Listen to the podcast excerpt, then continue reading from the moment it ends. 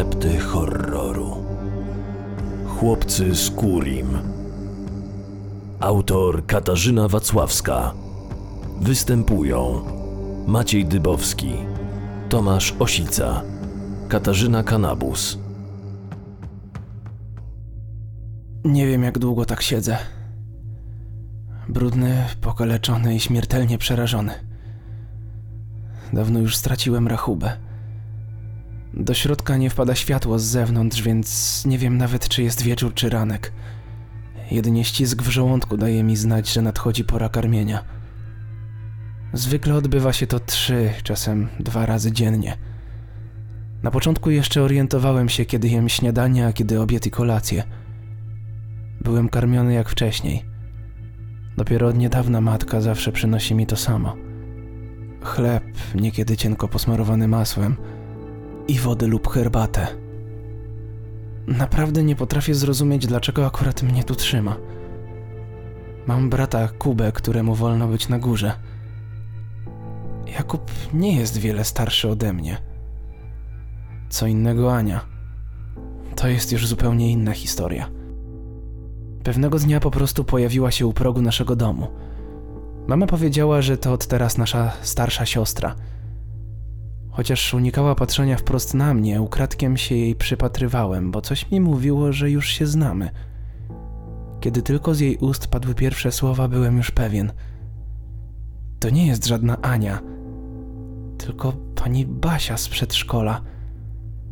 Może i ubyło jej o połowę, ale to na pewno ona. Nie rozumiałem, co się właściwie dzieje, ale to był zaledwie początek. Jej pojawienie się w naszym domu wywróciło mój świat do góry nogami. W zeszłe wakacje zabrali nas za miasto, mnie i Kubę. Była tam mama, ciocia Kasia, nasza siostra Ania. Jeszcze jedna pani z przedszkola i ci straszni mężczyźni, których głosy czasem słyszałem z góry. Całą drogę w samochodzie siedzieliśmy w zupełnej ciszy. Kiedy wreszcie dotarliśmy do drewnianej chatki pośrodku lasu, usłyszeliśmy, że nasze miejsca do spania jeszcze nie są gotowe. Kazano nam zaczekać w środku. Po kilkunastu minutach mama i ciocia powiedziały, że mamy iść do panów. One zostaną w chatce. Wilgotną, trzęsącą się dłonią chwyciłem rękę Kuby i wyszliśmy na zewnątrz. Panowie wskazali nam metalowe klatki, takie jak te, w których trzyma się psy. Kazali nam rozebrać się do bielizny i wejść do środka. Zacząłem szlochać. Jeden z panów popchnął mnie do otwartej klatki i zamknął ją na kłódkę. To samo zrobiono Jakubowi. Mieliśmy spać niemal nadzy na ubitej ziemi. Długo wpatrywałem się w chmury wędrujące po niebie. Wreszcie skuliłem się i zasnąłem. Kolejny poranek przywitał mnie brzdękiem metalowych misek. Ania podeszła do mojej klatki, otworzyła ją i podstawiła mi kolejną miskę z wodą i z jakąś papką, pachnącą jak konserwa dla psa. Byłem tak głodny, że i tak było mi wszystko jedno. W ułamku sekundy opróżniłem zawartość misek i czekałem na rozwój wydarzeń. Liczyłem na to, że oddadzą nam ubrania i pozwolą wyjść, rozprostować kości. Tymczasem jeden z mężczyzn zapiął mi na szyi obrożę, do której dodatkowo przypiął skórzaną smycz. Pora na spacer. Oznajmił radośnie, pogwizdując. Po co mi ta smycz? Nie jestem psem. Cicho bądź. Albo jeszcze ci nałożę kaganiec. Zaprowadził mnie w głąb lasu.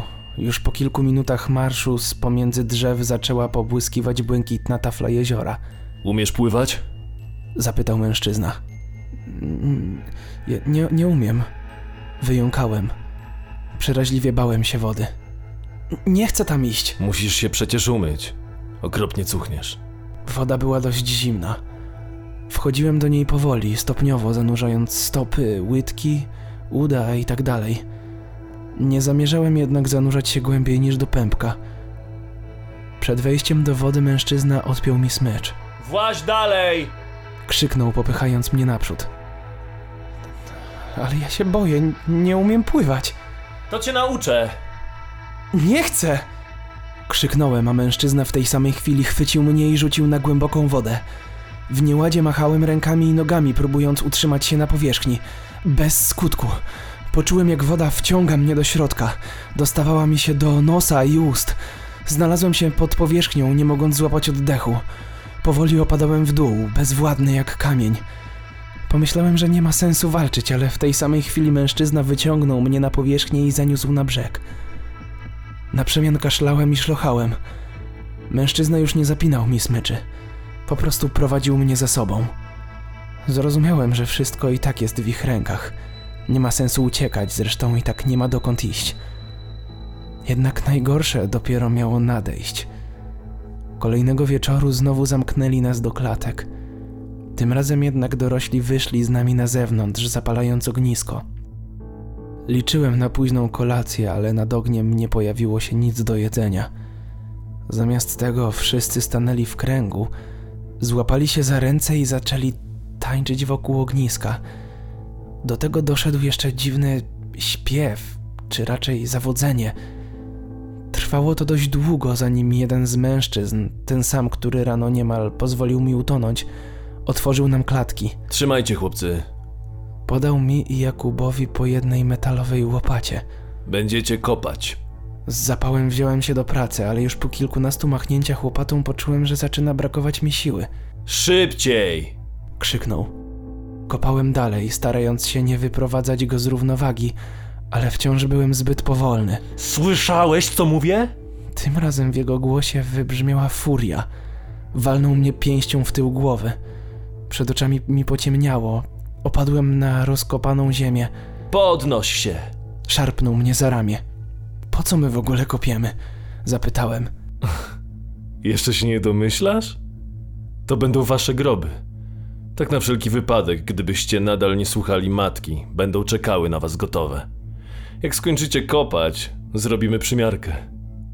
Kiedy mężczyzna wreszcie stwierdził, że wykopane przez nas doły są wystarczająco głębokie, kazał nam się w nich położyć i wyobrazić sobie, że już jesteśmy martwi. Musicie mi wierzyć, nie było to trudne. Przynajmniej dla mnie. Już świtało, kiedy pozwolili nam iść spać. Tym razem ułożyli nam posłania wewnątrz chatki. Na kolanach błagałem matkę, żeby nas stamtąd zabrała. Jej zimne, stalowo-szare oczy nie miały jednak ani krzty litości, ani dla mnie, ani dla Kuby. Mocno chwyciła mnie za przeguby dłoni i przyparła do ściany. Zamknij się wreszcie! Zostaniemy tu tak długo, jak będzie trzeba. Mieliśmy spać z Kubą w pokoju, który zajmowali ci dwaj mężczyźni. Byłem okropnie zmęczony, a mimo to nie byłem w stanie zasnąć na dobre. Bałem się ich przeraźliwie, zwłaszcza tego, który rano zabrał mnie nad wodę. Zasypiałem na chwilę tylko po to, aby zaraz się obudzić. Za którymś razem spod przymkniętych powiek ujrzałem tego drugiego mężczyznę, trzymającego karabin wycelowany prosto w moją klatkę piersiową. Zabij mnie!